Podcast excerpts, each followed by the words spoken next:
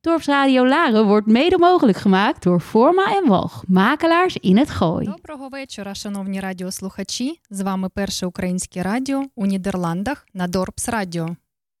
Доброго вечора. З вами нас нас добре чутно, бо ми тут трошки з Оленою змінили технічні наші умови. І я щось ти добре мене чуєш? Я тебе добре чую. Бо я себе не чую.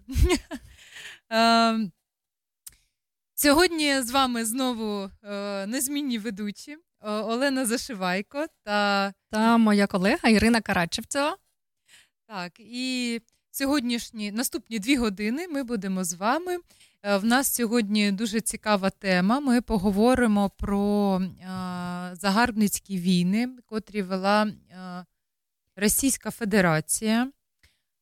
І подивимось е, сьогодні, подивимось, е, скільки взагалі е, було е, нападів з їх боку. Ми чули всі, що Лавров казав, що ні, ми жодної війни ми не, не, не вели, ми завжди тільки захищаємось. І от в нас сьогодні в нас буде можливість впевнитись в справедливості чи несправедливості цих е, слів. Так, так, і е, як завжди, вже традиційно ми починаємо ефір із е, жахливої статистики.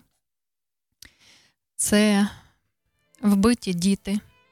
На сьогоднішній день, за офіційними даними, 131 е, день війни, повномасштабного вторгнення Росії в Україну. І за цей час, за 131 день, Лише офіційні дані нам кажуть про те, що 344 дитини було вбито. Вони стали янголами України назавжди.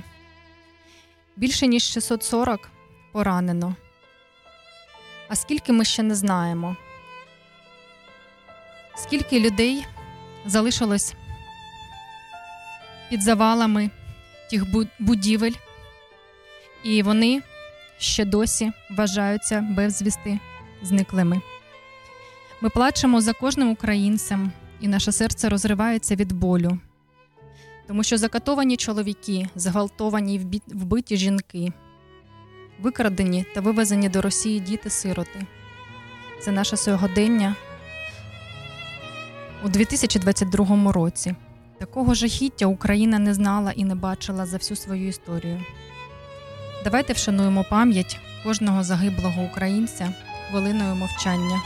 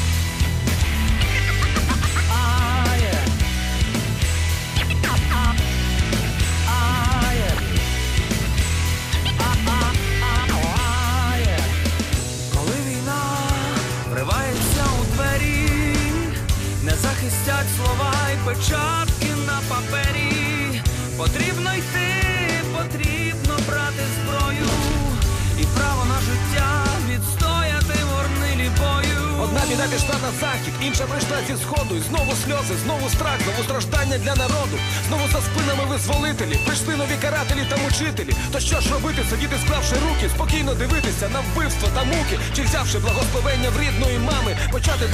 з новими верну.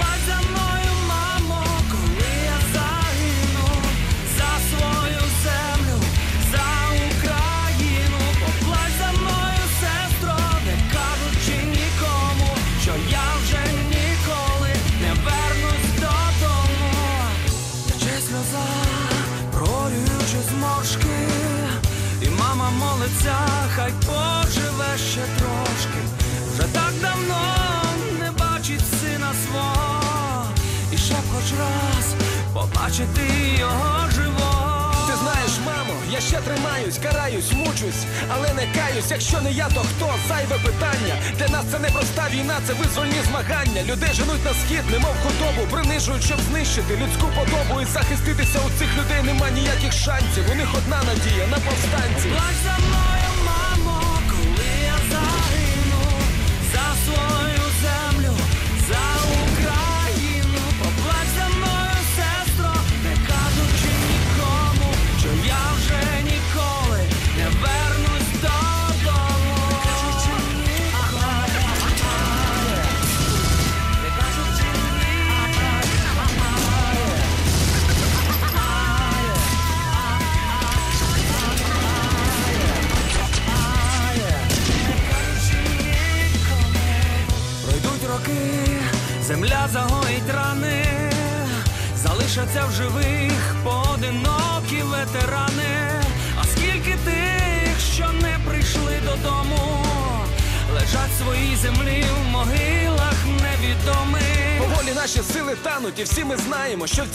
Чужими поки що програємо. Хай перемоги наші порівняно малі, та головне, що наш народ лишився на своїй землі. Ніхто не знає, хто я, ніхто не знає, де я. Тіла загинуть, житиме ідея. А наші душі тут, в рідних просторах, волинських лісах, карпатських горах.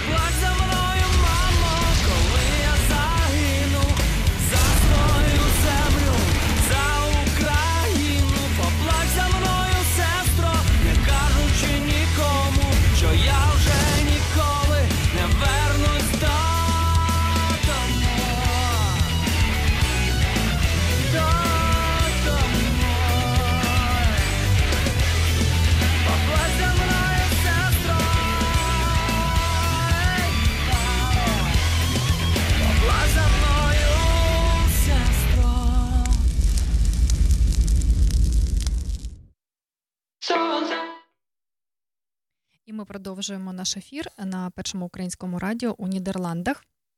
І хочеться обговорити таку тему.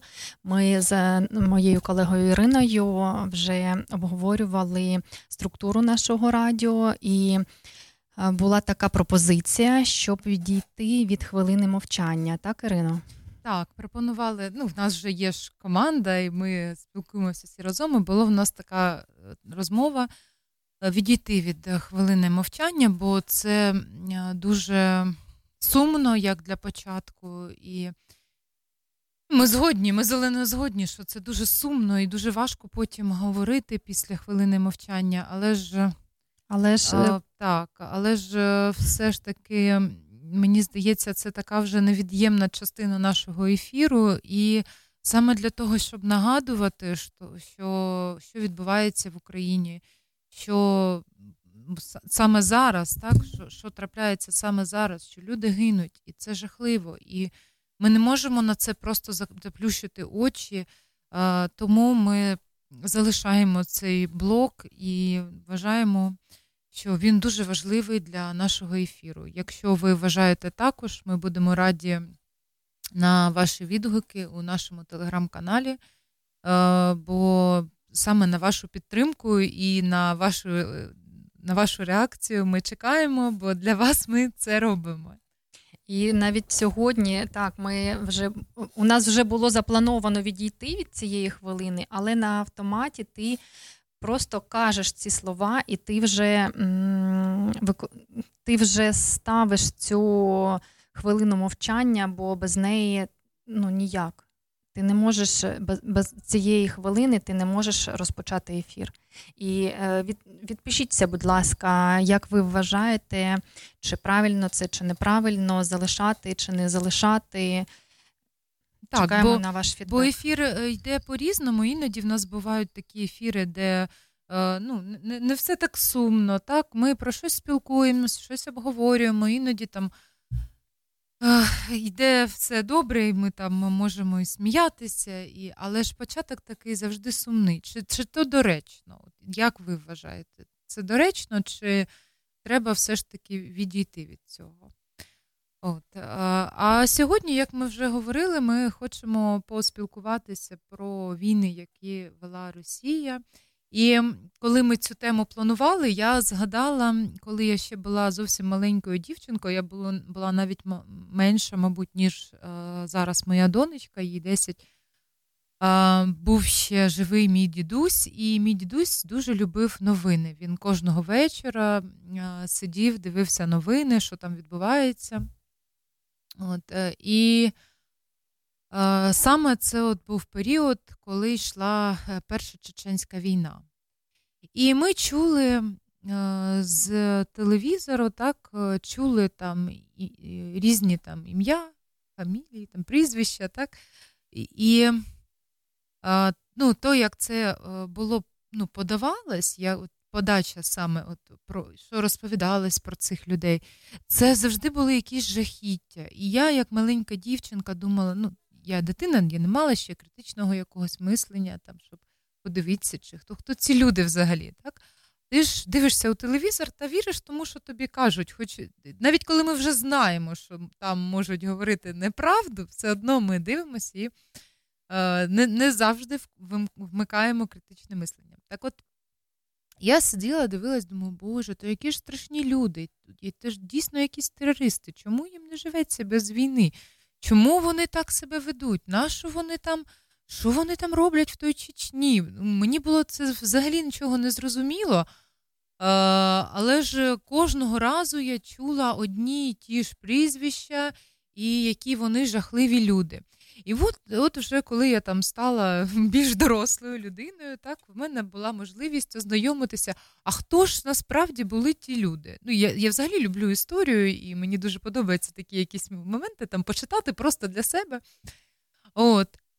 І яке було моє здивування, коли я стала читати. Тут такий Дуда. Так. І ще ж давай е, скажемо, що тоді, коли ти дивилась це телебачення, воно ще було росій... російномовне, так, і це ж не українське. Так, це, та це взагалі ж ну, то, тоді на той ще... час в Україні, мабуть, був може один канал, а може й два. ну там нам ну, транслювали російське телебачення. Так, так. з Ми дивились, у нас був перший канал, перший російський оцей канал. Там були Всі новини, новини були і російські. Спокійної ночі, малиші. Хрюша, Хрюша і Степаша. От все, це що, от, ну, це були такі телеканали мого дитинства. Він був взагалі майже один, не тільки там вже наприкінці 90-х стали з'являтися е, більше каналів, стали з'являтися харківські канали, вже українські новини. І вже в нас там було 12 каналів, то було взагалі таке щось вау! Скільки скільки інформації, можна щось перемикати. І Фільми, які круті, і мультики, да? Так, так, харківські музичні канали були, я їх обожнювала. Там була передача Коза про про ночні клуби. Дуже її Дуже любила. Дуже цікава назва такої передачі. Так. От і от саме про це ми сьогодні хочемо поговорити: про те, е, як інформація подавалась, що е, що чула міжнародна е, ну, міжно, ну, люди в інших країнах, так, спільнота міжнародна, що чула, і що відбувалось насправді? Чи дійсно там були терористи, чи дійсно вони там хотіли щось взривати та вбивати своїх людей? чи... Ну і де взагалі, е, як так відбулось взагалі, що усі сусіди Росії то якісь скажені люди, які е, мріють розбомбити свої домівки, вбивати своїх людей, е, щось таке витворяти там, розривати свої країни зсередини. Чи дійсно це так? А ти пам'ятаєш ще е, саме на тих телеканалах, як е, вони розказували про національності інших країн. Начебто гумор у американців е, він е, е, дійсно ну, якісь, американці тупі, якісь, тупі, да, ну, дуже тупі, так, тупий. Це зрозуміло. Ще там хтось ще ну, дуже такі країни недостойні бути ну, про молдаван. Вони завжди Молдавані так, е, такі ж вони е, що? естонці, естонці повільні. повільні, молдавані також тупі. Куди не подивися, всі їм не такі. Так. Одні росіяни були дуже завжди найкращі. найкращі. велич в них була, і це їм кожного дня у новинах транслювали із покоління в покоління. І і навіть тоді, коли ще не було українського телебачення, я була також от малою, я то також це пам'ятаю. І от ти е, дивився е, ці всі е, світлини, телебачення, новини, і ти думав.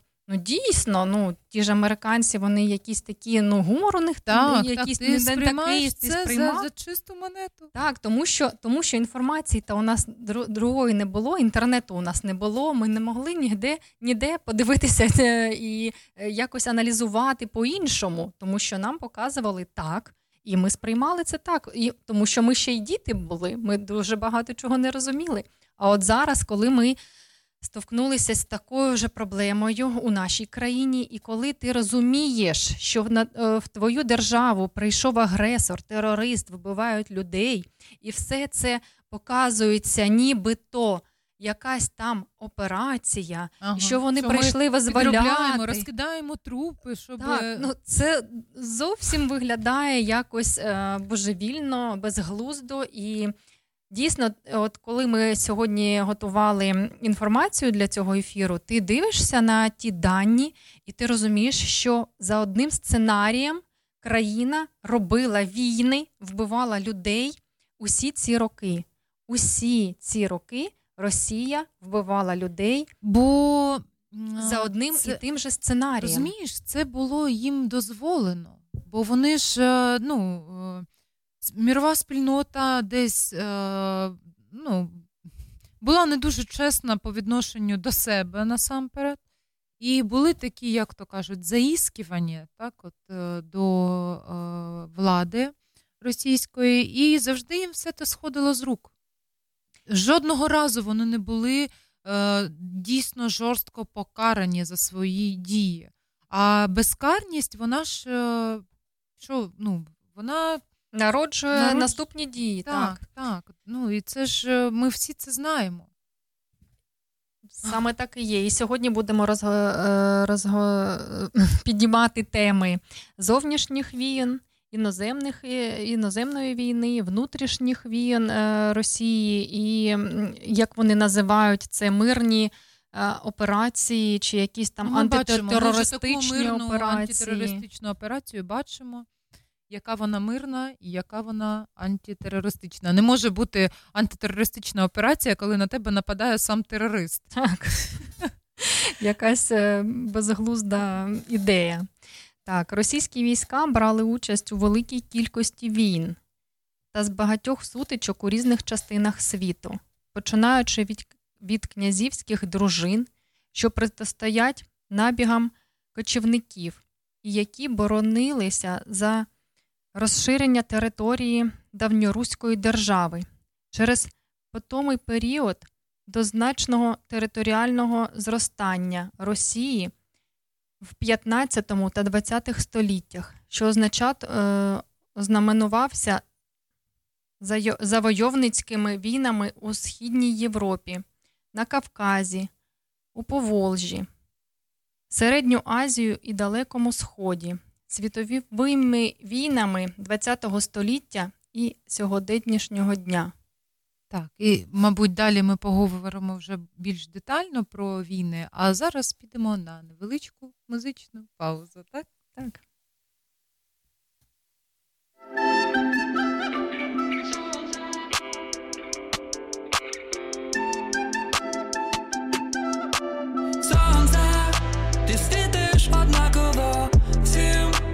Навчи мене бути таким, навчи мене просто світити. Сонце, І навіть тоді, коли грім Ти прикладом будеш моїм, як це ти не згоріти Карюсь на людей дорослих швидко, як маленькі діти. Це на вигляд і на запах, десь так, як зів'ялі квіти. Це по суті і по факту ознака незрілості, відсутність розуміння, присутність зарозумілості, бажання всіх навчити, але не вчитись самому. Бажання всіх розбудити, коли сам сплю, наче кома. Бажання всім підказати те, що не треба нікому. Бажання всіх врятувати, коли ніхто не тоне. Або тонуть усі, та не шарить ніхто. Я приходжу у храм, але там шепітоє, тікаю до себе, тікаю від них. Я не вірю у всі їхні байки про гріх. Я забув, що вони теж шукають своє. Я забув, що над ними теж сонечко є. Подивився на нього, а потім на себе, і все пригадалося. Сяяти треба. Сонце, ти світиш однаково всім. Навчи мене бути таким, навчи мене просто світити.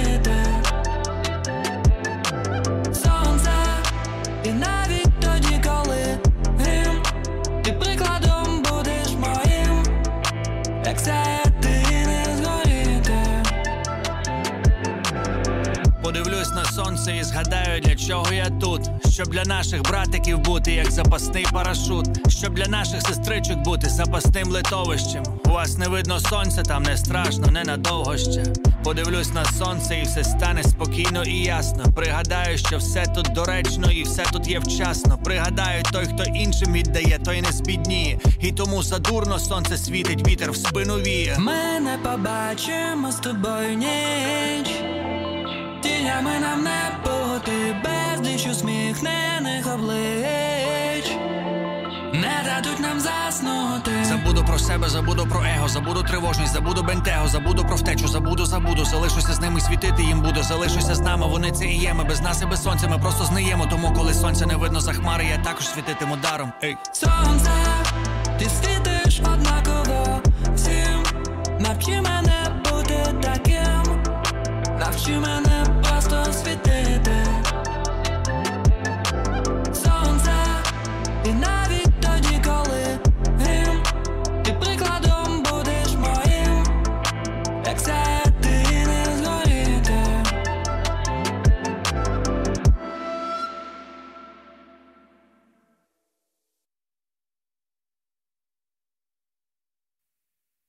Я типа.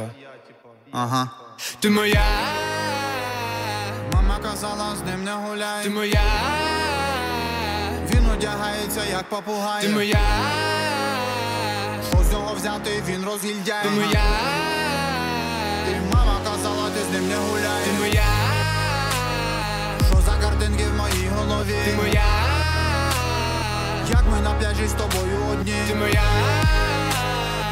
Сонце сідає і все, що я мрію. ти моя, Що ти моя, що ти моя. А мені в кайф, коли ти гладиш проти шерсті і проти правил. Пускати в серце твої тисячі слів. Я не поет, я просто кіт, який читає піп-піп Бо ти, ти, ти, ти моя, така між нами хімія. Я від тебе дурний, як від валер'яни. Я хочу зустрітись з твоїми батьками. заберу тебе у тата і мами, повезу тебе за океани, заберу тебе у тата і мами, Ага. повезу тебе, Є.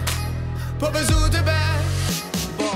Ти моя, ти моя, ти моя, на на на на. Ти моя, ти моя, ти моя. Ти моя, ти моя, ти моя. Ти моя, ти моя, ти моя. Ти моя, Тільки моя. І хто я без тебе? ти моя. Тільки моя. Скажи. І мої бажання до тебе настільки далекі від святості.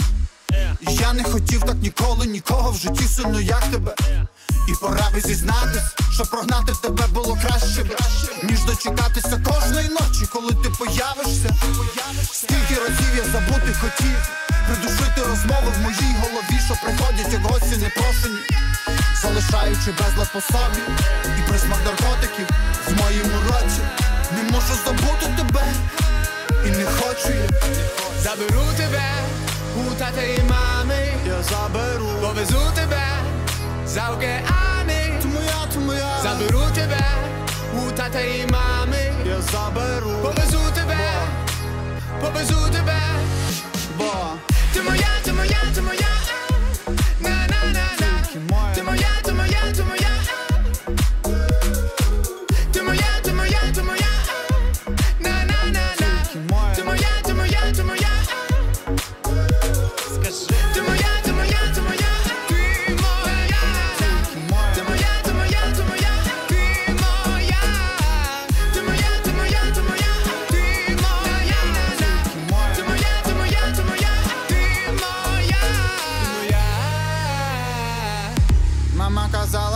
моя, Ти не слухала маму, ти моя, з ним не гуляй. Ти моя, Мама казала, ти з ним не гуляй. ти моя.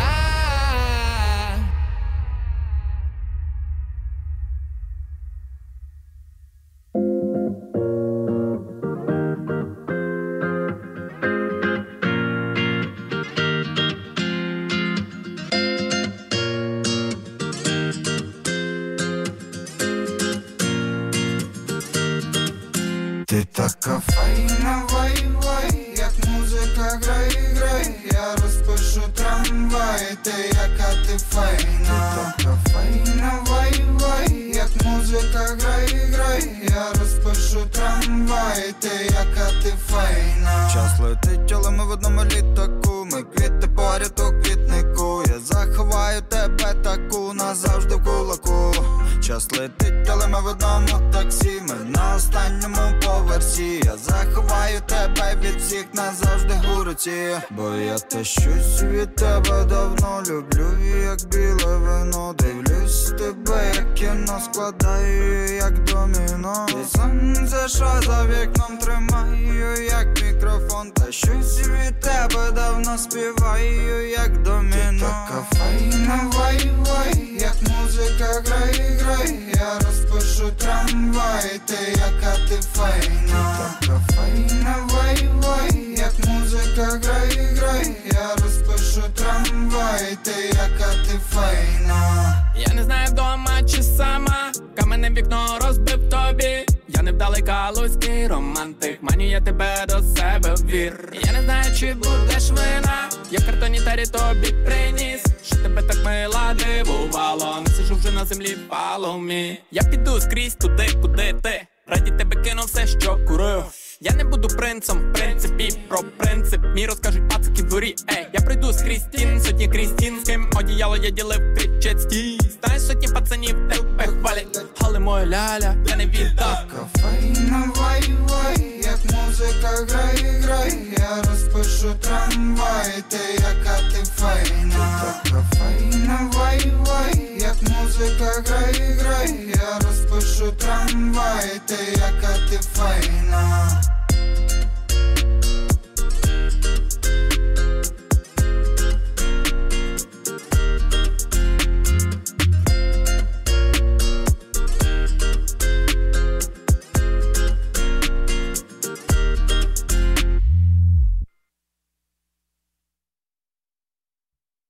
Знову.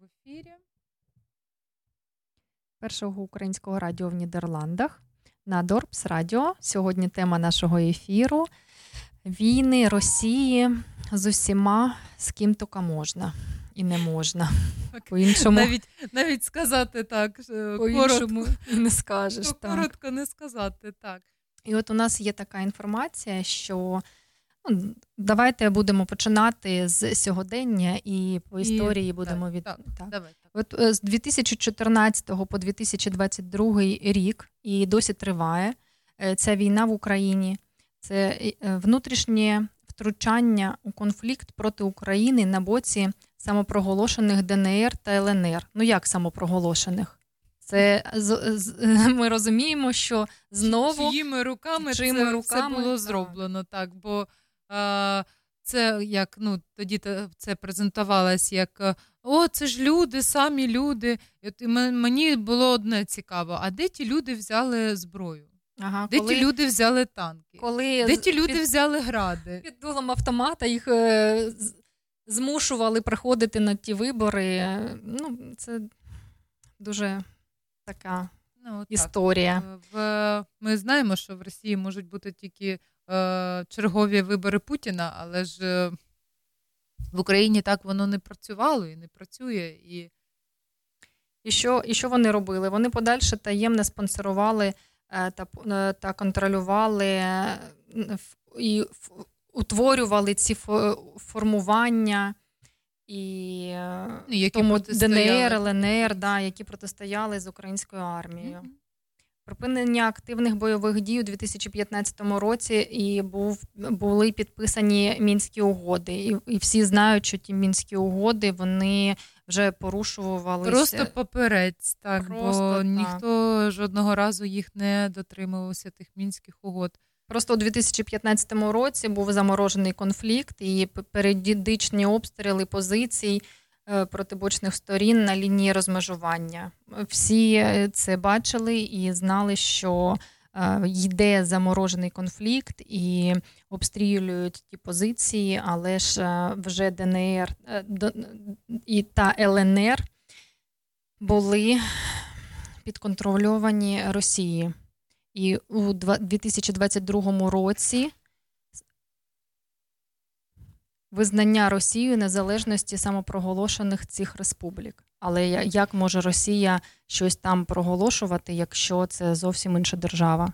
Донецьк і Луганськ це Україна. Як е, Токарєв сказав, що якщо ми будемо е, визнавати такі е, квазіутворення, то взагалі там зі 123 країн в нас буде 600 чи 650 чи щось таке. І це дуже велика кількість країн. Вона ну така кількість країн просто не потрібна світові. Але ж то нормальна коаліція для однієї держави. Ми знаємо для якої держави і на що воно їм потрібно, так? Так, і також Росія, не будемо забувати, що Росія е, заблокувала півострів Крим і окупувала його, і українці вже не можуть туди їздити вільно з 2014 року. Так що Із перлини е, Чорного моря Крим е, став е, якоюсь такою воєнною базою. Ну так, військовою базою. Ну там росіяни, я знаю, що відпочивали. Там відпочивали саме кримчани на березі моря, але ж е, ну, іноземців, українців, як то було раніше, коли ти приїжджаєш до Криму, там завжди було дуже багато іноземців, і можна було почути іноземну мову будь-яку, і німці, і люди, які спілкуються англійською мовою. Е, І поляки, і молдовани, і українці, і Інтернаціональні так, всі. так, дуже багато завжди було людей. Я пам'ятаю, пам'ятаю цей момент, коли ти приходиш на пляж, а в Криму ж пляжі вони ж невеликі, це ж не затока. І ти приходиш на пляж і думаєш, так, де ж мені ото полотенечко постелити, щоб десь присісти хоча б. Тому що літо це відпустки, і народу дуже багато було. І от знаєш, що дуже дивне, от дійсно. Е, Коли Крим був у складі України і не був окупований, ми туди спокійно їздили і Кожного нам дуже року. кожного року, так, і нам дуже хотілося поїхати за кордон. А зараз, коли ми знаходимося за кордоном, то ми дуже хочемо Так. поїхати до нашого Криму. І коли є можливість поїхати в будь-яку країну е, світу.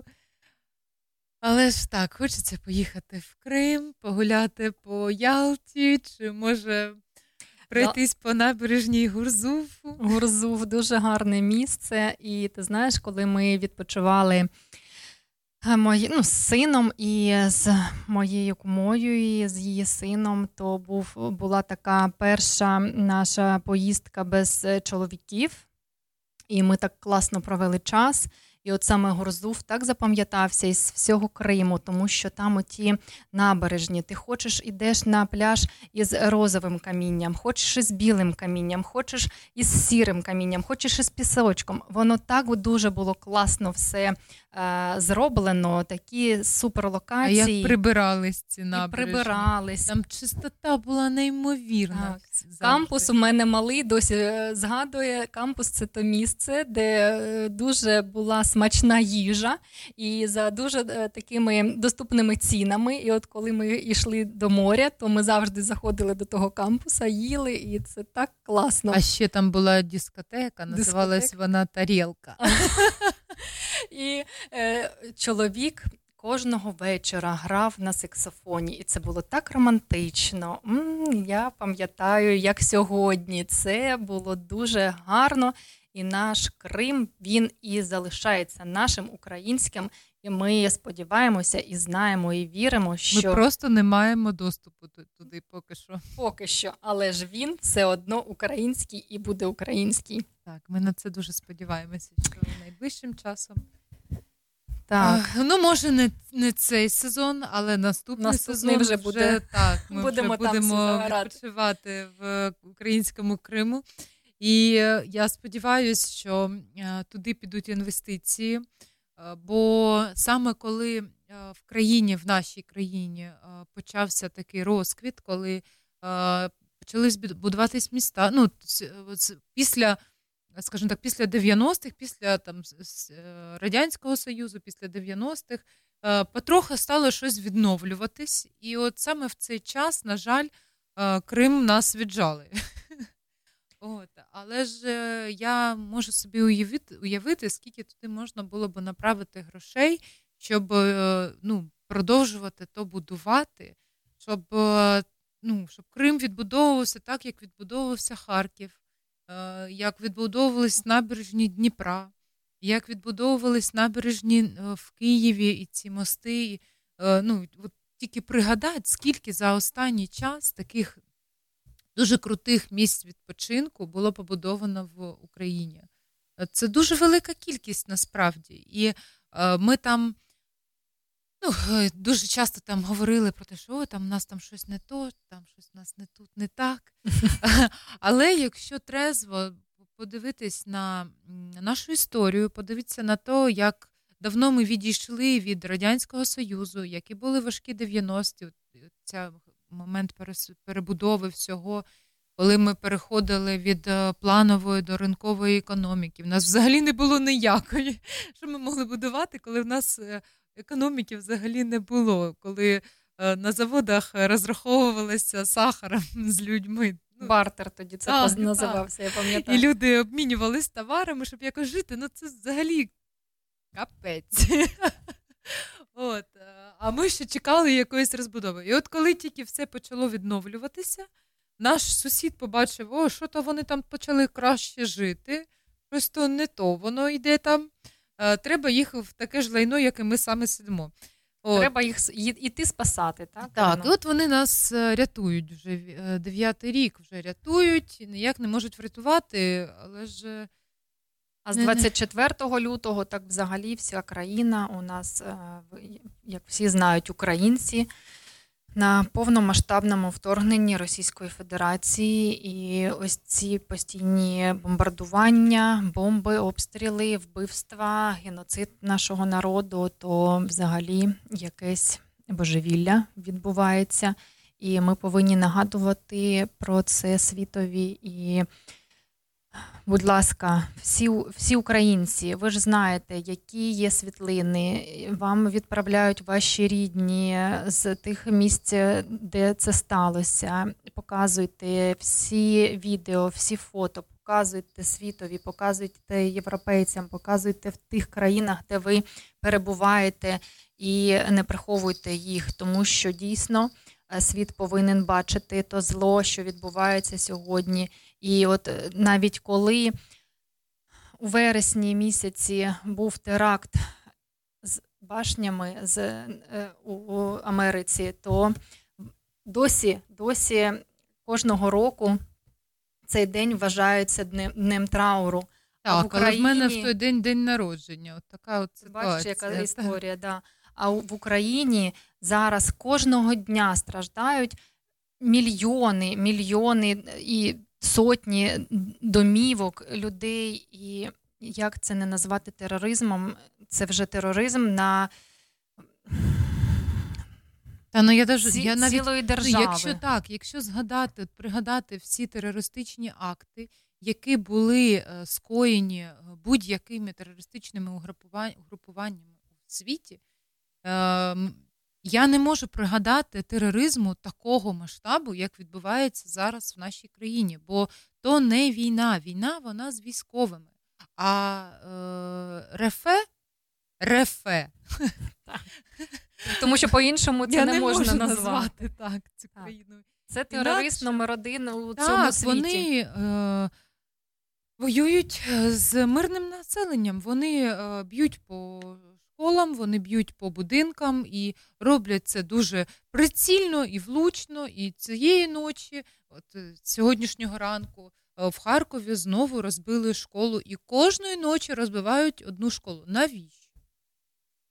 Тому що ти знаєш, Ірина, е, я слухала Зеленського Володимира, і він дійсно так каже, це правда, що вони зараз роблять так те, що руйнують всю інфраструктуру, всю українську, всі будівлі, всю українську історію, все руйнують на щен для того, щоб люди виїжджали з цих місцевостей тому що там жити просто неможливо. Там немає ні, води, ну нічого немає, ні домівок, нічого немає. І їм тоді так е, буде зручніше е, захоплювати, окуповувати ті території. І от Херсон, е, Херсон же вже окупований, і це дуже боляче, тому що ми розуміємо, що люди там також страждали, як і в Маріуполі, і це просто геноцид всі, всієї української нації. І, до речі, українська культура також страждає. У нас була тема на тема ефіру Українська культура, і ми знаємо, що дуже багато історичних пам'яток зруйновано, і вони просто нищать, винищують нашу українську культуру, нашу історію. Тому є спеціальний. Е, сайт і спеціальна організація, котра вивозить е, ці наші всі ну, культурну спадщину, культурну спадщину, да, і можна звернутися до цієї організації, і вони вивезуть е, у безпечне місце. Тому, якщо у вас чи там у ваших близьких є якісь музейні експонати чи щось таке, то вам треба обов'язково звернутися і зберегти те, що у нас є українське для наших наступних поколінь. А ти знаєш, Лена, що мене обурює взагалі? Це а, така дво, двоякість, я я навіть не знаю, як це ліцемірство таке. А, Люди, які кажуть, що вони там не доведи Господь набожні, а, е, і всі там. Але я не знаю, на кого вони моляться. От в мене mm-hmm. питання, навіть на кого вони моляться, але ж вони там всі такі набожні, такі е, віруючі люди, дуже-дуже віруючі. Але ж е, українські церкви вони просто розбивають в хламиття. Вони розбили е, монастир, так, е, Святогорську лавру, і е, нормально. Нормально, тобто, це взагалі, ну це нормально. І в Харківській області дуже багато е, саме е, церков е, знищено. Так? так. Ну, Вони не знищені, вони там десь купол там впав, десь там е, вікна повилетали, десь. Ну, І всі тобто... ж розуміють, що це не стратегічні об'єкти, це не воєнні об'єкти, це просто церква. Церква. Так, і це, вони ж е, постійно кажуть, що вони там дуже вірять в Бога, що їх там патріарх най, найсвятіша людина у світі, хай йому ікнеться. От, І при цьому всьому вони лупять саме по церквам. Нащо?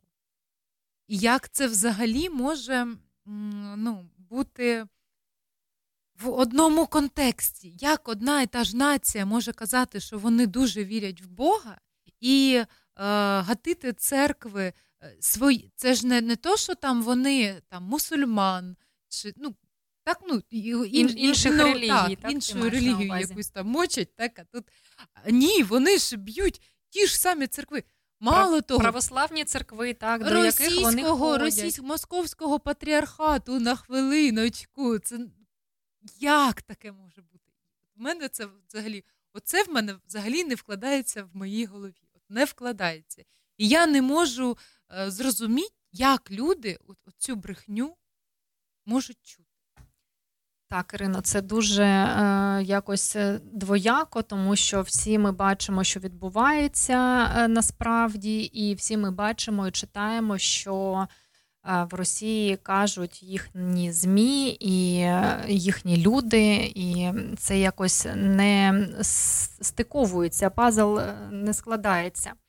Так, от це ми з вами поговорили про війну в Україні. А ще у 2000... Можемо про неї говорити довго, довго. мабуть, без цілий ефір, так, так, бо дуже багато всього відбулось за той час. Я пам'ятаю, як е, у 2014 році все це почалось. Я мешкала е, у 100 кілометрах від е, лінії фронту, і було дуже страшно. У нас постійно літали вертольоти, ну завжди постійно літали літаки, постійно були навчання. Ми чули вибухи, коли навчалися наші танкисти. Бо ж хлопці, які пішли на той, на той момент на фронт вони взагалі е, не були пристосовані до війни. Вони нічого не вміли на той війні.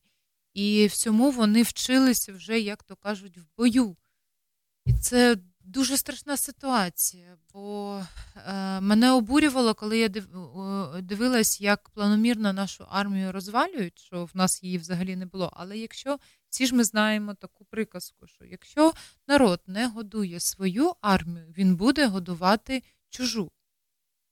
От і на той момент армії в Україні не було, і Україна була, мабуть, в найслабшій позиції за всі часи, бо е, ну, були внутрішні Ніхто не готувався до та, такого. були внутрішні проблеми, були зовнішні, був зовнішній ворог, були внутрішні проблеми, не було армії, і ми були, як ото кажуть, з палками, ми були готові відвоювати свою землю. Але ж пройшов час, і за вісім років наші хлопці дуже багато чому навчилися. І ми бачимо, що з хлопців вони в нас просто так, кібери, вони стали вони дійсно мужніми войовничими хлопцями. Вони е, дійсно стали професі... ну, професійними військовими. І ми бачимо, як дивується світ, коли вони дають нам якесь озброєння, а хлопці його. Мало того, що навчаються дуже швидко, і вже за там два тижні вони вільно володіють тою зброєю, ніби вони її вона, вони з нею народилися. А ще й ефективність використання того, тої зброї. Тобто кожна, е, кожна, е, кожний е, цей,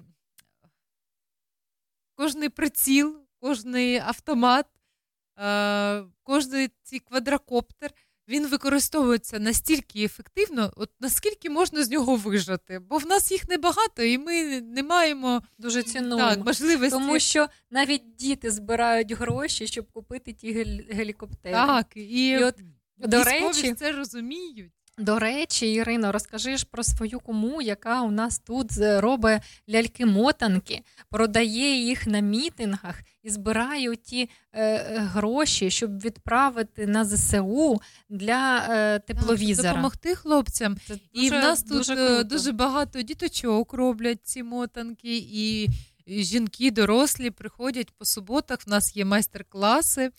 Е, і всі приходять, е, про, е, ну, допомагають робити ці мотанки, а потім а потім вона їх продає, і всі ці гроші ми відправляємо на благодійність, повністю всі гроші. І вже було а матеріали так, матеріали купляються за інші ну, за інші кошти, то ми вже додатково скидаємося на ті матеріали. От, і Це це неймовірно красиво. Мабуть, ми а, зробимо якийсь пост у себе в телеграм-каналі, щоб ви могли мали змогу подивитись на ці мотанки. Це неймовірно красиво. А знаєш, що мені дуже подобається, коли а, ми робимо ці мотанки, ангелочків, то ще такий музичний супровід, і стільки любові, стільки ніжності вкладається в ту лялечку, ляльку що е, якщо людина її собі е, бере додому, так ставить, то то є, є такий український оберіг. Так, тому це що так дуже дійсно... сильний талисман, бо ми ж це робимо на захист дому свого. Так, дуже дуже класно і душевно. І тому, якщо ви знаходитесь у Нідерландах і е, знаєте, де знаходиться містечко Ларен, приїздіть. У нас по суботах ввечері е, майстер-класи з виготовлення ангеликів, охоронців, ляльок, мотанок. Е, ну, Будемо чекати і е, будемо збирати ті гроші на користь нашої країни, на користь Збройних сил України. Треба ж допомагати. Притула своєю допомогою допомагає. Так, а ми своєю. А ми, своєю. А ми ще анонсуємо наприкінці ефіру, анонсуємо ще е, захід в Зандамі, де буде Івана Купала. Ми там розповімо все, коли що як, але я хочу зараз зробити акцент, Анонс. що саме на цьому заході е, також буде майстер-клас з е, виготовлення льокмотанок від моєї куми Ані. От, е, тому приїжджайте, то буде дуже цікаво, і ви зможете внести свій внесок е, у захист нашої любої країни. Ну і, мабуть, ми трошки по... На музичну паузу поспіваємо, перейдемо. так? Перейдемо. Так, трошки поспіваємо.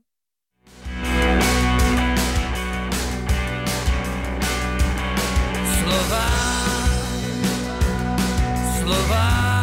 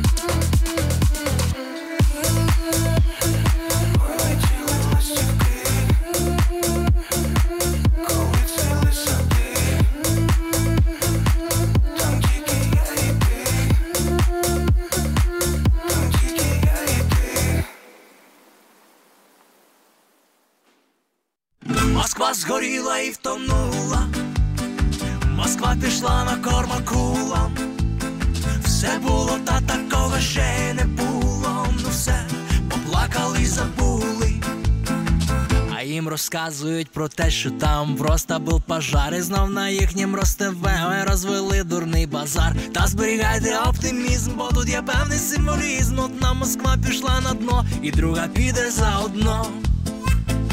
Москва згоріла і втонула, Москва пішла на корма кулам. Все було, та такого ще не було. Ну все поплакали й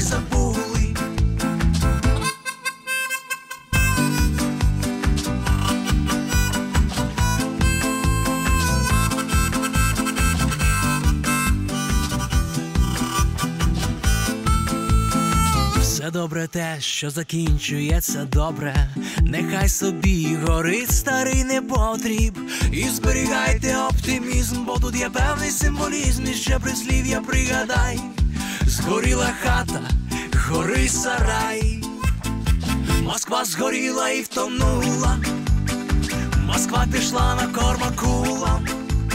Все було, та такого ще не було. Ну все поплакали забули.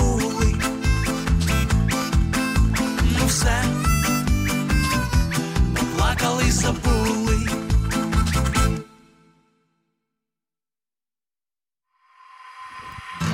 Ми знову в ефірі першого українського радіо в Нідерландах на Дорбс Радіо і продовжуємо нашу тему війни Росії е, з усіма за останні 30 років. Так, от про Україну так, про Україну ми вже е, підіймали цю тему, і от хочеться продовжити. З 2015 року по 2022 рік е, було вторгнення Росії в Сирію. Вторгнення Росії стало вирішальним моментом у громадській війні в Сирії, що почалася в 2011 році. Це на початку ще на початку 2015-го уряд президента Сирії Башара Асада був приречений на крах. Російська зброя, повітряна підтримка та е, війська підписали. Ой, господи, пробачте, підсилили диктатуру Асада та зруйнували життя мільйонів людей. Це втручання в останній момент допомогло Асаду досягти військової переваги над е, повстаннями до кінця 2017 року та підтримує його донині. За 6 років війни загинуло від 321 до 444 російських військових та найманців. І от про саме про зруйновані судьби, так в Нідерландах е, дуже багато сирійців, людей, які бігли від війни, і е, це ж вже 10 років вже відбувається е, ну, ця історія. І е, дуже багато людей. Е, дуже багато людей страждає, і е, ми бачимо, що за одним сценарієм вторгнення в ту чи іншу країну відбувається так, і люди, Російською от Вони Федерацією. переїхали сюди в Нідерландах, так, в Нідерланди. Вони е, ну, не мали нічого, бо все, що в них було, залишилось десь в Сирії. І ну, мені дуже шкода, що коли це відбувалось, я взагалі не ну, не цікавилась, що що там відбувається, е, хто там кому винен, хто кому не винен. Я знала, що туди чогось лізе Росія, і е, то вже не є окей. Але ж що що там відбувалось, я ну, не поглиблювалась, скажімо так. І що зараз ми бачимо? Е, Нідерланди дуже багато жінок, чоловіків. Е, саме сирійців. Саме сирійців. У людей вже тут діти виросли, бо вони вже тут біля 10 років. І вони вже тут облаштували своє життя, але ж е, повернутися на батьківщину вони так і не можуть. Ну, Тому що тому вони що бачать, що дії, там так, бойові досі дії. йдуть, і там досі небезпечно. І все це підтримує ця країна-терорист Росія. От е, візьмемо, наприклад, 2008 рік. Знов російсько-грузинська війна. 8 серпня 2008 року російські війська під приводом захисту населення знову ж таки захисту населення розпочали вторгнення до Грузії з території сепаратистських республік Північної Осетії та Абхазії. Протягом п'яти днів російські літаки завдали понад 100 ударів по грузинських містах. Бомби скидалися на цивільні райони, вбиваючи і ранячи невинних людей. Відтоді Південна Осетія є невизнаною республікою під контролем Росії. За шість днів війни загинуло 170 російських військових та їхніх найманців. От ви розумієте, е, той самий сценарій. Вони прийшли знову визволяти е, з літаками. Е, обстріляли бомбардувальниками ті 100 бомб і загинули люди. Ну як можна назвати це якоюсь там війною чи антитерористичною операцією? Операцією, так е, за декілька днів, а мабуть, навіть за день до війни е, в Україні я дивилась саме ситуацію з Осетією. Е, мені було цікаво порівняти сучасні міста Грузії, ну, що є зараз, що є зараз в і те, що Росія спас в врятувала, там, так? де врятовано угу. все, так і що не врятоване, залишилось у Грузії. Це жахливі світлини. Ірина, я бачила ті фото. Це жах. Просто таке відчуття, що час зупинився десь у 90-х, і більше він там не рухався взагалі. От не рухався час. Немає ніякої інфраструктури. Е, ну, Будинки ці Е, ну, радянські ще такі, і от е, саме ця от радянщина, вона там всюди. І дивишся там на Батумі. Квітуче місто. Не, ну, взагалі, Туди хочеться поїхати, дуже круто. У мене подруга там мешкає, і вона викладає весь час світлини. Е, Вони саме в будівничій сфері працюють.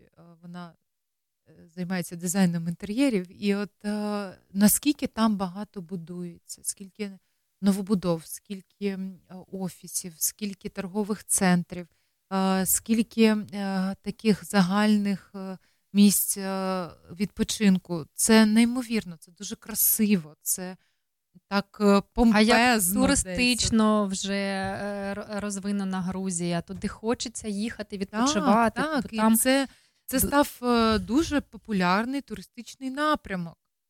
Хто Там їде і до гори, і море, і а кухня грузинська, та то взагалі. Ну, взагалі дуже... так. Пальчики обліжеш. Да. Грузинські ресторани це моя така особлива любов. У нас в Харкові є там той самий барашик та Джорджія. І от е, ми там е, з моїм чоловіком полюбляли ввечері сходити що туди, що туди, бо там завжди дуже смачне м'ясо. А музику, яку, яку вони ставили? Да. Свою національну? Національну. Ну, там, гарно. так, коли як, там були коли національна, коли там якась загальна музика така.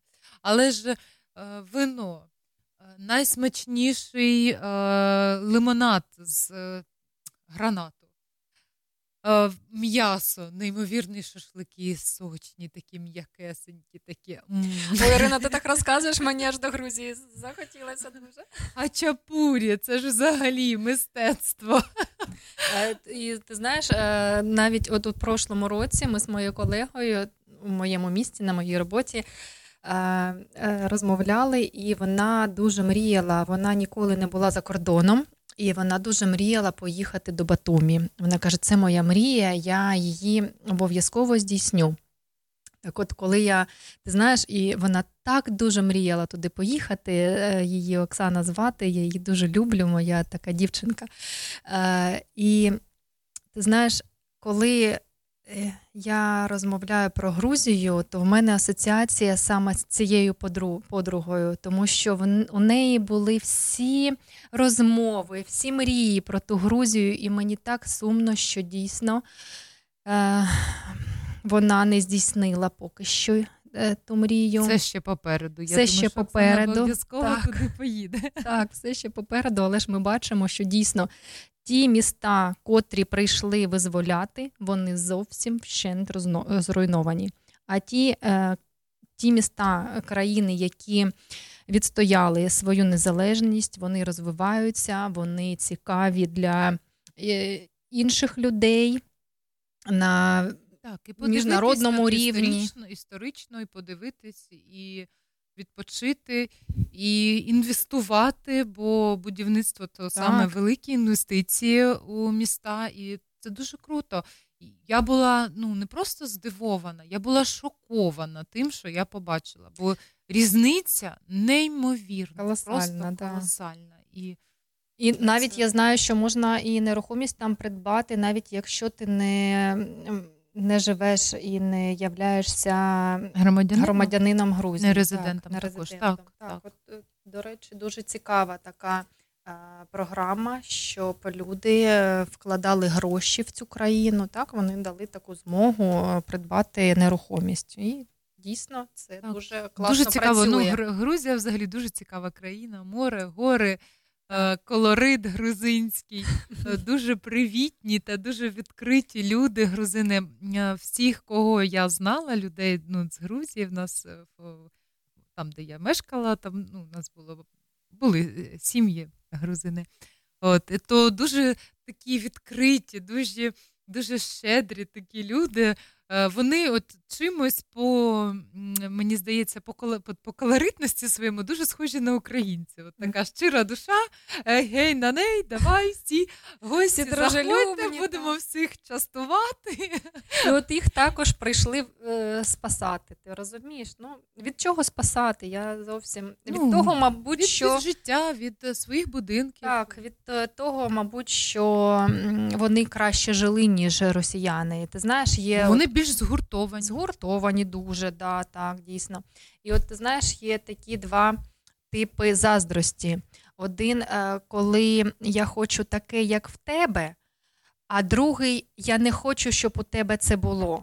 І от у росіян дійсно е, другий рівень заздрості. Вони не хочуть, щоб у людей було так, так гарно, тому що у них Ну, цього ми, немає. Ми сидимо так. В нас діти гинуть у вигрібних ямах, і ми хочемо, щоб у вас було так же. А, що, ви лу- краще чимось? Тож ти бачиш, дійсно ця країна і вона пропитана ненавистю, тому що ми е, читаємо. Ну, бу- бу- було, було, був у мене час після бомбардування Кременчука, коли я занурилася у ці всі світлини, і ну, дуже багато було таких е, думок, і дуже важко. І от я зайшла на один сайт, ну не сайт, а меседж, так, е, російномовний. І коли ти не починаєш читати і бачити, що просто люди, просто вони не політики, вони звичайні люди, які просто мешкають в Росії. Це, це І до того, що кажуть, що тільки Путін винуватий. Ні, Е, не люди, тільки люди Путін. там, люди не до чого, так? Ні, вони вже, ти розумієш, вони е, просто сміються і вони радіють тому, що гинуть діти. Діти, так, мене здивувало, коли писали, що коли писали про те, що ну, знайшли загину е, дівчину 14-річну, яка загинула, і її тіло обгоріло. От, і що писали ці люди? Кажуть, вона ж не дитина, вона насамперед е, ну, е, з Хохляндії. Ну, то А потім вже вона дитина. То, то добре, що вона загинула, бо вона ж би була б таким же ж нацистом, як і усі. да, і ми розуміємо, що зараз це вже війна не просто однієї людини Путіна, так, проти України, а це війна російського народу проти України. І Так? це вже Бо росіяни дуже, всі росіяни. дуже, дуже пропитані цією ненавистю до всього е, іншого. Я навіть не скажу до українського. До українського, мені здається, особливо, але ж до всього іншого. Так же їм чуждо і то грузинське, і то армянське, і то де б вони там. Там, де гарно, А як відносяться до тих е, на національних е, меншинств, е, там ті ж буряти? Та вони їм не здалися. Якщо вони за кадирівців е, ну, на обмін віддають усе, а за бурятів вони кажуть, та вбивайте, на що вони нам здались? Дуже жахливо. І ну, ми розуміємо, то що ваші дійсно... люди, ваші люди, як так можна? Так, ми розуміємо, що дійсно це війна вже не одного президента Путіна, а дійсно всього російського народу, тому що не Путін гвалтує е, дітей і жінок, не Путін вбиває е, солдат, не Путін натискає на ті кнопки, а це роблять військові і найманці, і їхні жінки. Котрі кажуть їм, що да, йдіть і іди гвалтуй, тільки мені не кажи. Мені не кажи. Як так можна сказати взагалі? Як можна своєму чоловіку таке сказати?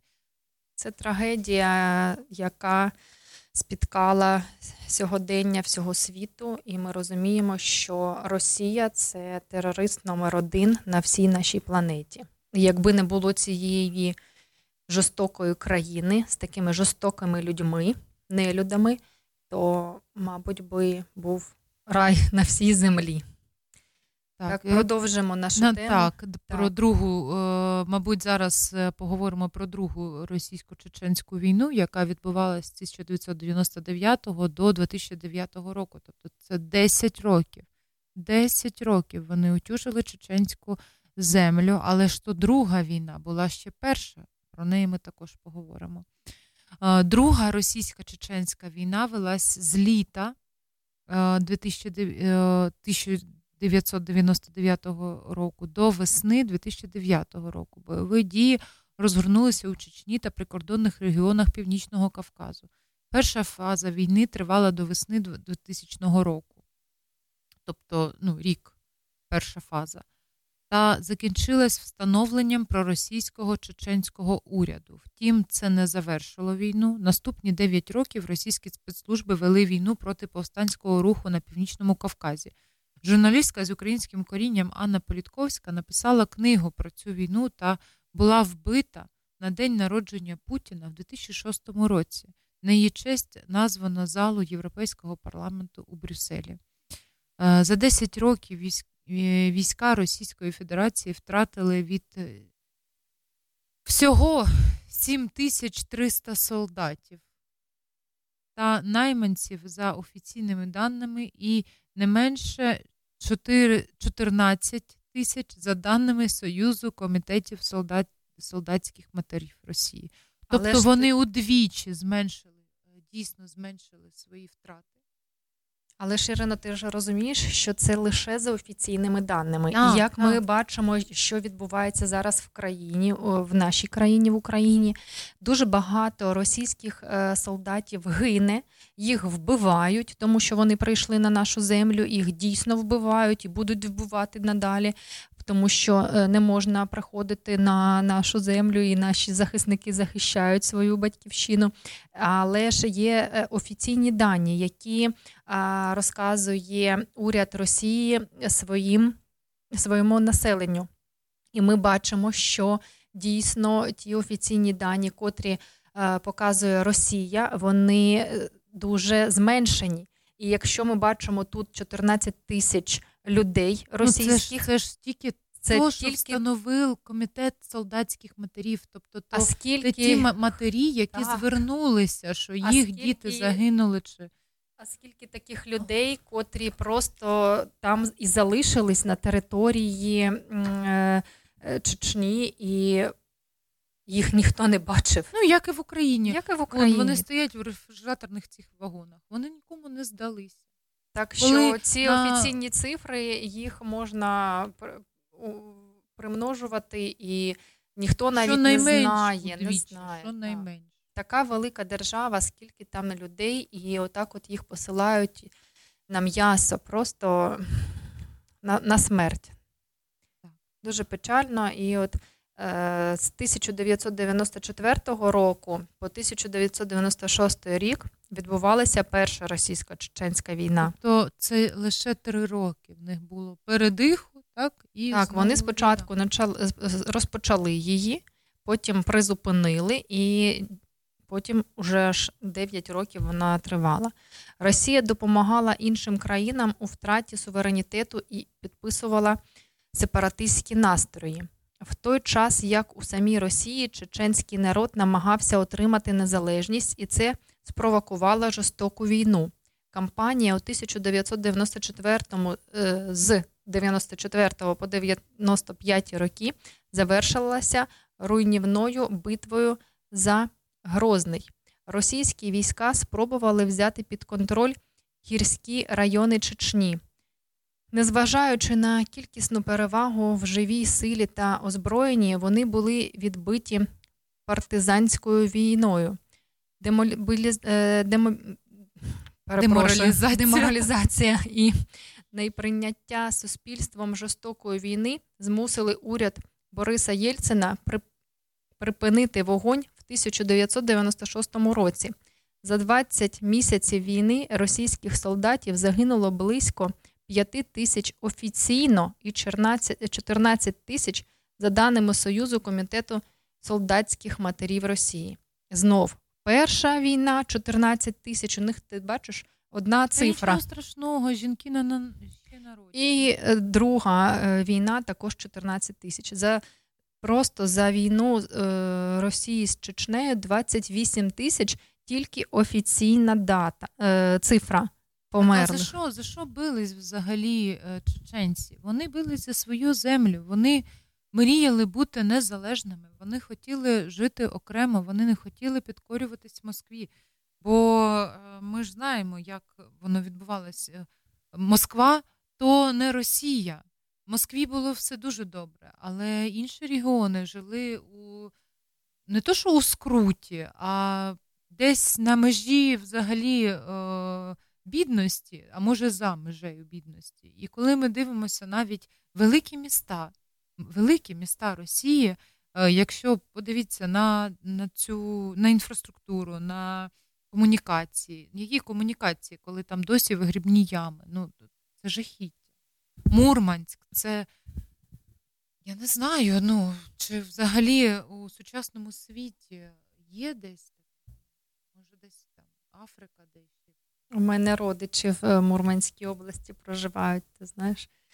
Так, вони вони кожного літа приїздили до нас, бо в Україні було сонечко, тепло і помідори не ростуть, абрикоси не цвітуть. було дуже гарно. Так. Дуже дуже сумно від цього. І от дійсно, ти знаєш, Ірино, і я так, ну, я от пам'ятаю, я була малою. І коли я ходила до школи, і вже тоді е, в школах було впроваджено security, охорона. Угу. І от я пам'ятаю, це був, мабуть, п'ятий або шостий клас, і нам поставили такого охоронця, дядя Льоша. Я пам'ятаю, я пам'ятаю, він такий був у формі, такий він був дружелюбний. В нього завжди було дуже багато е, історій цікавих. Так, от е, цей Олексій він був солдатам саме на цій війні.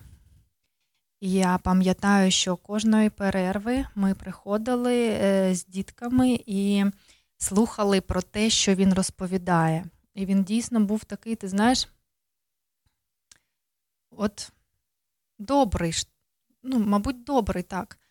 Але за що е, я пробачаюсь, за рахунок того, що він був занурений в ту війну в Чеченську, у нього дуже постраждало психічне самопочуття, і він був контужений, і отож саме через це його і ну, запросили до школи, просто щоб він уже сидів собі і добував свого часу до пенсії, чи як там. І от ми у нього питали, е, не ми питали, я пам'ятаю, зі старшого класу хлопчик спитав: е, ну, Олексій, а скажи, будь ласка, а чи страшно вбивати людей? Ну він спитав, тому що то дитина він не розумів е, цієї ну, серйозності ну, цього питання. Так, трагічності так, цієї трагічності. ситуації. І я пам'ятаю, ти знаєш, я дивилась тоді на цього чоловіка. І він так сумно-сумно так подивився, і стільки болю в нього було в очах, і він каже: ні, тому що я не бачив очі тих людей. Я просто скидував бомби з самольоту. І ця історія мені дуже запам'яталася, тому що я розумію, що коли вони скидають бомби на торгівельні центри, на школи, на жилі будинки, то вони не бачать. Ну, Вони не дають не дають собі е, ради, вони не, не, не осознають, мабуть. І Дійсно що, каже, що я не це бачив. Це не просто скинута очей. бомба, це занівечене життя. Це люди, які мріяли, які жили, які до чогось йшли. Так само, як він же ж летить туди. Чому? Тому що він заробляє гроші. Так, так тому що От, наказ тому що в нього наказ. є дитина, мабуть, її, її потрібно кормити. Але ж він не розуміє, що скидаючи бомбу тут, е, ми не знаємо, чи прилетіть зав, завтра до його будинку. Так, дійсно. Тому що коли ми посилаємо таке, ми маємо бути готові до того, що воно що воно прийде і до нас. І от дійсно, скільки е- чоловіків тоді були у цій війні чеченській і в нашому місті. Я знаю, що в них прям спільнота є е, тих, тих людей, котрі пройшли цю війну. Після того, як вони повернулися додому, то вже були скалічені душі. Тому що ці люди вони не могли спати ночами, вони просто спивалися. Тому що якщо ти бачиш, що ну, у нас твоєго... взагалі, бо ще ж е, Олен, ти розумієш, що нема ще психологічної психо... підтримки. Так, підтримки, немає якоїсь такої загальної е, підтримки цих військових, щоб вони знайшли своє місце місце у суспільстві, щоб вони могли нормально адаптуватися, щоб вони могли пережити ці травми, бо травми неймовірної, неймовірного розміру взагалі. Ну, Тільки уявіть собі на хвилиночку, навіть ми зараз не говоримо про те, що треба вбивати, а Війна це втрати, це завжди це от був твій друг, його нема. Наступний його знову нема. І, і кожна людина там щодня втрачає дуже близьких друзів. Так, друзів рідних це неймовірно то, боляче. Ти не можеш психічно відражається як на це, кожному. Як це взагалі можна пережити? Оці, оці втрати, втрати, втрати, втрати. Ну, І ти знаєш, Ірино, я зараз ну, мені дуже це ну як сказати правильно, е, я дуже радію від того, що Україна зараз вже в е, наші часи почала звертати увагу на ментальне здоров'я людей, і все більше з'являється психологічних психологічної підтримки, все більше зростає у нас е, кількість психологів, і навіть ті люди, котрі повертаються, навіть ті люди, котрі поверталися вже в після 2014 року, бо я маю такого друга. Після війни він був контужений, то вони вже підпадають під адаптацію саме військових уже у ну, у звичному житті. І ти знаєш, е, дійсно, наш друг він такий такий класний е, душа компанії.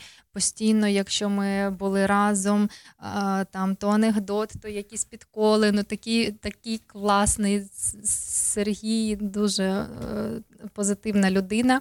І от коли він був військовим у 2014 році в Донецьку, то його контузило, і в нього проблеми з ногами тепер. Він має інвалідність. То ти знаєш, е, зараз, коли ти розмовляєш з цією людиною, ти розумієш, що це вже не той не той Сергій, котрий був до 2014 Бо його життя перевернулося на до розмежувалось на до і після. Так, і от всі ці люди, хлопці, дівчата ЗСУ, котрі зараз е, воюють у нас на е, цій е, війні. Ми розуміємо, що їм буде дуже потрібна психологічна підтримка, допомога, тому що це зруйновані судьби, зруйновані долі мільйонів людей. Якщо навіть людина залишається вижившою, то ну так, то психологічно то вона дуже... мертва, її треба відновлювати з нуля. Ну і, мабуть, ми послухаємо трошки музики зараз, так? Бо ми з тобою вже заговорилися. Бо тема у нас сьогодні така дуже так, дуже цікава і дуже болюча. Болюча, так, так яка торкається кожного, і ти ну, на, на фактах ти бачиш, наскільки оця, оця глобальна брехня, наскільки вона вже засосала цей світ, і хочеться. Щоб потрошку ми з того винирювали, щоб ми дивилися більш об'єктивно, щоб ми більше аналізували. І щоб е, у сучасному світі не було жодного не було жодного виправдання війни. Жодного. Немає причин для того, щоб воювати. Немає у сучасному світі, тим паче. І ті провокації, то все просто. Я дуже хочу, щоб на їхні провокації просто світ не реагував.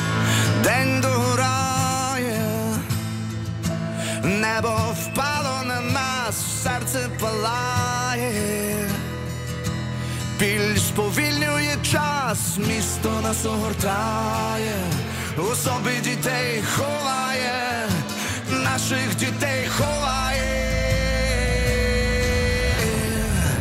Вічності стане на всі. Мужності буде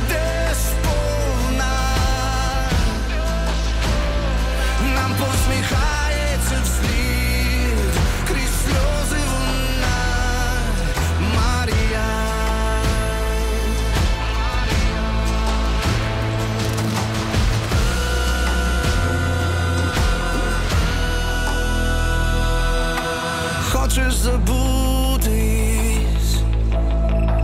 та сили катма згадуєш лютий, а дому нема замість дому війна. 0431 2402 Вічності стане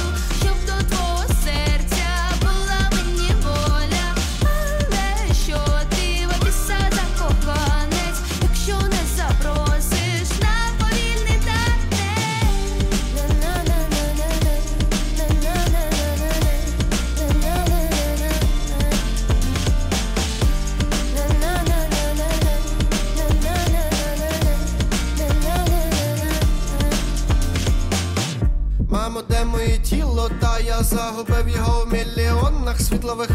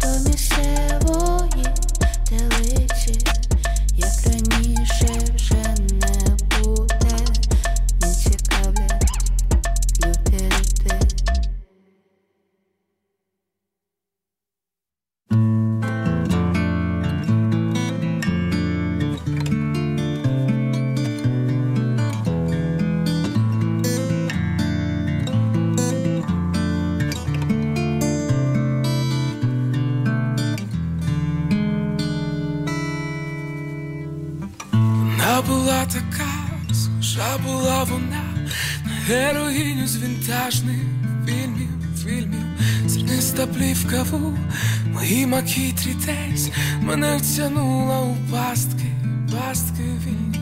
Що ти була одна, чи ходиш не сама, таких як ти по світу ходить мало-мало. Ти знаєш, я не сплю, я сам собі сиджу в один момент, в один момент, таки зійду із рею. Небо, небо, неправильні знаки вказало.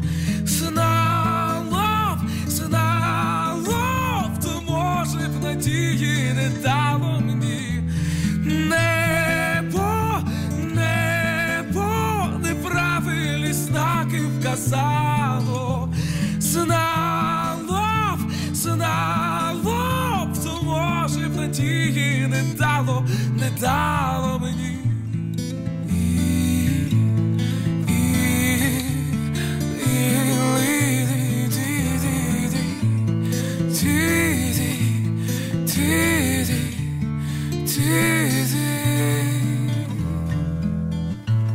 А пам'ятаєш сни, які вже ти мені у моїй голові собі собі крутила, із кадрами човнів, тим флотом дивних снів мене взяла на абордаж, лише лише губами. Мороз по шкірі це буденна штука вже, а голос приторний, як ліч, і ніч, напевно, врію. Ти знаєш, я не сплю, я сам собі сиджу, а як засну, а як засну, почнеться все спочатку. Небо, небо, неправильні знаки вказало. Знало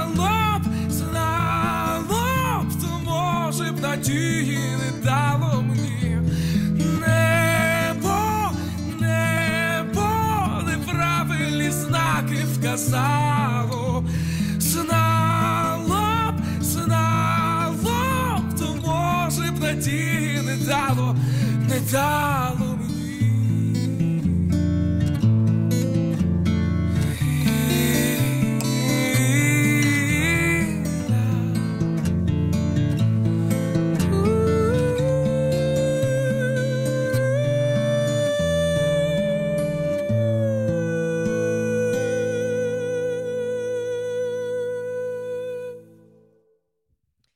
І знову перше українське радіо в Нідерландах на Dorps Radio. Ми продовжуємо нашу тему війни Росії з усіма за останні 30 років. Так, і можна подумати, що ми так вже багато сказали, так і про Грузію, і про Чечню, і про Україну. І ну, мені здається, там на 20 років, от вже ми поговорили про 4 війни, так, на 20 років для одної держави, то вже занадто багато. Але ж ні, Але ми ж ма- ні, маємо так, ще ми інформацію. маємо про що сказати, а в нас же час закінчується. От тисяча нас ще на ефір, а ми вже на два.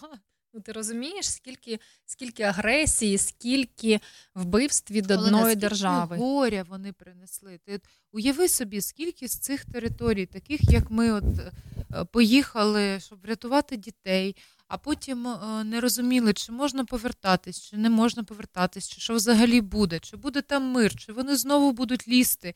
Люди почали десь там е, е, осідати, так і е, дуже багато людей приїхали саме до України, і люди перебирались з там ДНР, ЛНР перебирались до України, і з Грузії перебирались до України. Так, з тих всіх е, Молдови країн перебирались вони до України. приїжджали Так. Сюди, і ми розуміємо, що люди один раз відчули на собі ту війну, і знову вона е, їх настигла. І от навіть у 1992-93 роки Росія спровокувала Абхазьку війну. 14 серпня 92 року Росія спровокувала війну між абхазькими сепаратистами та урядом Грузії, підтримавши сепаратистів. Ти розумієш? Не уряд Грузії вони підтримали, а сепаратистів. Ну, як завжди. Але ж нормальна стандартна схема для Росії. Так. російська І, зброя. е, саме цікаве, що вона ж сама створює цих сепаратистів. Ну, так, вона знаходить з ватажка, знаходить тих, хто. Бо люди ж самі вони без е, лідера вони ж не можуть організуватись. Тобто повинен бути хтось, хто з собою поведе людей. І от вони знаходять у тих людей, у тих предателів, які е, готові продати рідну мати за якісь там гроші, чи якесь там е, е, становище. Чи я не знаю, за що взагалі можна продати, але вони знаходять ті ланцюжки, так. Е, і е, з'являються якісь сепарати. От вони вчора їх не було, а сьогодні, а сьогодні вони, вони є. І сьогодні Росія приходить їм допомагати. Вже так? виросли, виросли. Ага. Мабуть, вчора вони ще були маленькими, а сьогодні вони вже виросли, ті сепаратисти. І от саме Росія їх кормить. Чому? Так, так от російська зброя опинилась в руках абхазців. Російські літаки бомбили цивільні об'єкти, знов цивільні об'єкти на території, контрольованої Грузією. Ой, російські військові судна були надані для обстрілу Сухумі. Е, е, І ми е, бачимо, що той самий сценарій з військових кораблів, судів бомбардують територію, на якій проживають мирне населення. З літаків скидають бомби. Війна закінчилася відторгненням Абхазії від Грузії, чого і хотіла Росія. Ти, ти бач, і за рік війни з Абхазькою було вбито 2220 військових російських. Це е, взагалі офіційні дані. А скільки дійсно було вбито, тож е, ніхто не знає. Так. І е, ну, якщо так коротко, там, бо в нас вже дуже дуже дуже мало часу. Так, ще була війна у Таджикистані, це це 1992-97 рік.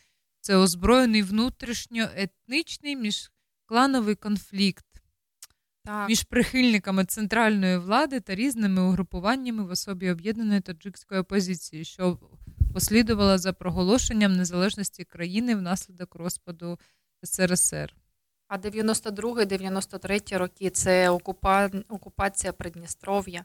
Е, Тобто, Ірин, ти бачиш, А 92-й рік це осетино-інгульський конфлікт. ти так? розумієш, що можна балакати дійсно розповідати про війни Росії е, з іншими країнами. Нам не, не нам було недостатньо дві, год, дві години ефіру, щоб розповісти всі ті конфлікти і всі ті війни. Бо це е, ракова пухлина нашого світу. Я е, навіть не можу уявити, як би було круто, Якби її е, вилікували. Так, якби цю пухлину е, вилікувати. Я не знаю як, я не маю тих ліків. Але ну, певно, це населення, яке е, жадає крові. Е, і то ну, тих людей на верхівці, яких, які також жадають крові, їх е, треба лікувати. І, мабуть, то лікування воно не буде таким легким, так? то не грип, то вже дійсно онкологія.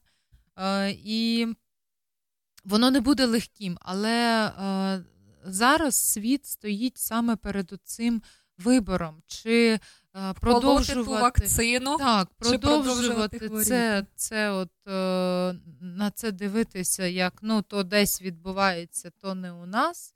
Чи дійсно раз та назавжди дати відсіч і зупинити це безпрецедентне зло, е, яке не дає е, спокійно жити половині земної кулі.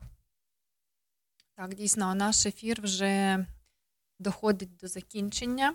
І Тому, мабуть, трошечки про анонси. Так, Давай Ми там, про анонси. Я говорила, що розкажу, що там буде в Зандамі. От, е, тож в Зандамі 6 іюля е, відбудеться свята Івана Купала. Це Magic Ukrainian Night. Так, усі знають, що таке Івана Купала. Як, е, Як наречені, і наречені, так, дів- через- на видані, так, дів, дівчата на видані, Мгм. не наречені ще. Е, стрибають через вогнище, Так, заплетають вінки. е, І у тих вінках, так, вони відправляли ті вінки, і наречений водою. повинен бути був е, зловити той вінок. Ну, дуже, дуже цікаве таке свято, магічне. е, Воно ще. Ну, це ще там з давніх давен таке свято, не, не сучасне, але ж воно дуже дуже смислове таке. І ми всіх запрошуємо до Зандаму, і там саме ви зможете зробити оті е, ляльки-мотанки та зробити отой традиційний е, винок е, дівчат на виданні. Олена, ми з тобою дівчата на виданні чи ні? Та які ж ми на виданні, коли у нас чоловіки вдома залишились? Але ж я думаю, що треба сплести той вінок. Сплести і запустити. Ти знаєш, мені здається, Кинути запустити в, в океан, а вже вон, він е, знайде свій шлях до, на, до моря, через море до Дніпра і до наших міст. І от тоді наші чоловіки знайдуть ті вінки, і ми повернемося додому. Дуже і закінчиться шлях, війна. але дуже хочеться додому. Так. Так. А, так, а ще? 6, е, 6 Липня, липня. липня. Так, Боже, липня. липня. О, з 18 години до 22 парк Страт 76 у Зандамі. Всіх чекаємо на дуже дуже магічному та цікавому святі е, Івана Купала. І нагадаю, що ці ангелочки-охоронці вони продаються за символічну плату, і всі ці кошти йдуть на наші Збройні Сили України на допомогу. Душі там вкладено набагато більше, ніж Так, воно коштує. Звісно. Е, Ще е, дуже така гарна новина, що фотомузей Роттердаму хоче запропонувати на літні канікули безкоштовні майстер-класи для дітей від 7 років та підлітків з України, які зараз проживають у Роттердамі та околицях. І для того, щоб записатися на ці кружки, вам потрібно заповнити анкету в електронному виді. Е, Цю анкету ми розмістимо у нашому телеграм-каналі. Ви зможете зайти туди, і якщо вам цікаво, е, щоб ваші діти відвідували такі кружки, то можете заповнити анкету, і е, ця інформація буде вже вам відома. І згодом вам надішлють відповідь і підтвердження, і деталі з, за цих кружків. І також е, кожного ефіру ми нагадуємо, що дуже важливо відвідувати е, мірні мітинги, котрі спрямовані на підтримку нашої України, на звернення уваги оточуючих на війну, яка відбувається зараз в Україні. І от кожної неділі в місті Амстердам о другій годині дня відбуваються такі заходи, е, куди потрібно приходити, е, малюйте плакати, беріть з собою прапори, тому що збирається велика кількість людей. Ми а, кожного разу з організатором піднімаємо ті теми, котрі на кожну неділю саме актуальні. І от е, дійсно це дуже важливо приходити і підтримувати, тому що коли ти знаходишся на цій площі і е, кажеш ці історії і показуєш світові ті світлини, котрі відбуваються зараз в Україні, то люди дійсно вони проходять і вони знімають відео на свій телефон, вони зупиняються, вони цікавляться, що ж дійсно відбувається, тому що вже на 131-й день війни світ звик до цієї новини, і ми не ми повинні зробити так, щоб вони не звикли. І ми Дуже повинні хочемо додому. так, і ми повинні нагадувати і розповідати дійсно правду, бо та російська пропаганда вона вже вливається в уші, е, ну, взагалі усюди. І ми розуміємо, що всю правду, котра є, повинні розповідати ми з перших уст і показувати ті світлини, е, ті бомбардування, е, ті фото погиблих людей, які так, бо ми, загинули ми знаємо, в Україні. що то саме російські ракети летять в наші торгівельні центри, саме російські ракети бомблять наші житлові будинки, і саме російські е, ракети бомблять наші школи. Ми це знаємо. І це потрібно розповідати всім місцевим в тих регіонах і в тих е, країнах, де ви перебуваєте. Так що, якщо ви нас чуєте, будь ласка, виходьте, виходьте. А якщо у вас немає в місті таких мітингів, то беріть та створюйте самі, організовуйте, тому що. Ну, може, ви не проживаєте е, дуже близько до таких великих міст, де дійсно це все організовуються фундаціями. Тож ви можете самі зробити у своєму селищі, у своїй комуні е, такі заходи і розказувати, розповідати і ділитися з європейцями тією інформацією, яка дійсно актуальна і правдива.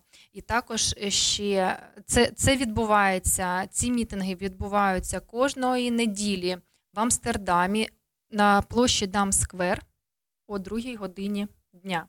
А також 9 липня в місті Гаага буде проводитися від руху маршу матерів такий марш подяки. Подяки Нідерландам та нідерландцям за те, що вони так гарно приймають українців.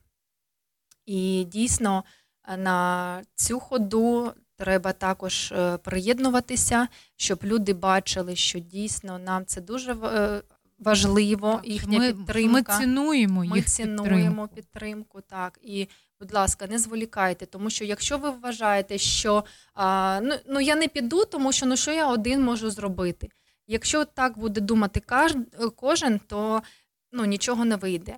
А якщо А коли кожен Ти ви- дає дам, дами з тобою. Так, так, і дійсно е, дуже велика кількість людей підтримують, і ну, це, це показує світові та й організаторам цих мітингів, що дійсно Україна і українцям це дуже важливо, і ми повинні нагадувати про війну, яка відбувається в саме країні. на таких заходах ми, кожен з нас може себе відчути дійсно сильним українцем, єдиним з- зі, зі всіма, і з тими, хто тут, і з тими, хто там, і людиною, яка дійсно надає підтримку своїй державі. Це дуже круто. Це відчуття, воно дуже дорого коштує. Тому йдіть за ним, йдіть за ним на мітинги. Ми там вас всіх чекаємо. А на сьогодні ми вже будемо прощатись, бо наш ефір дуже дуже швидко минув. І з кожним ефіром, мені здається, ця хвилина настає все скоріше, Швидше швидше, швидше, швидше, так. треба вже трошки поширювати, мабуть, наш ефір і робити не дві, а три години. Ірина, ти знаєш, нам, мабуть, і три години буде замало. Так.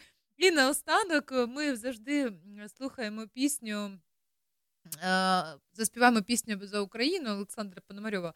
Але сьогодні я пропоную трошки змінити цей, е, цю традицію. Е, НК випустила нову пісню, називається вона Back Home. І то от саме цей тиждень він ну, особисто для мене. Ми поспілкувалися з Оленою перед ефірами. Вона каже, що для неї також оцей тиждень дуже важкий в плані тому, що дуже хочеться додому. Боже, дуже багато часу пройшло. Ми тут, близькі там, і це дуже важко. Хочеться додому. І е, хай сьогодні буде от ця пісня, щоб не тільки українці, а й нідерландці зрозуміли, як дуже сильно Як ми хочемо повернутися додому. додому. Так, як для нас це важливо. І що треба об'єднуватися для того, щоб допомогти нам повернутися додому. А не... Ми дуже вдячні, що нас підтримують тут, але ж хочеться допомоги саме в поверненні додому. Для цього нам потрібна зброя, зброя нашим хлопцям. Тому ж е, нова пісня НК Back Home, і ми чекаємо вас у середу на нашому наступному ефірі. Ірино, я нагадаю, що ми ще на один день ближче до перемоги. І так. все буде мир, і все буде і Україна. Буде Україна, обов'язково. I wanna go back home again. I'm just tired to pretend that I'm alright. Cause I wanna go home again. Wanna go back home again.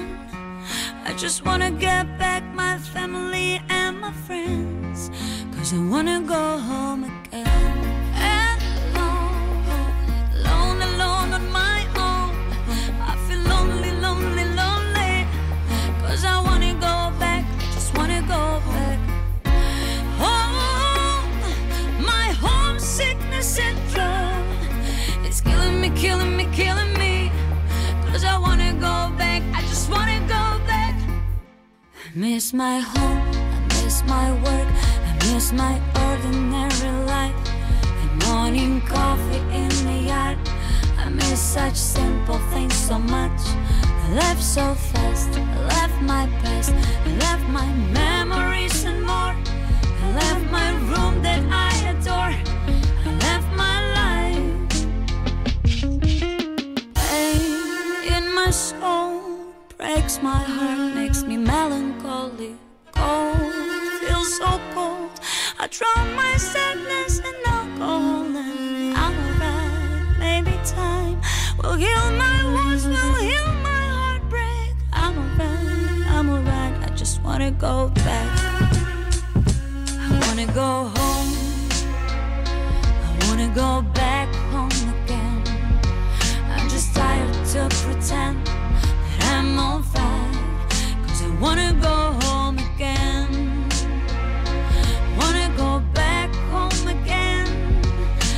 just wanna get back my family and my friends. Cause I wanna go.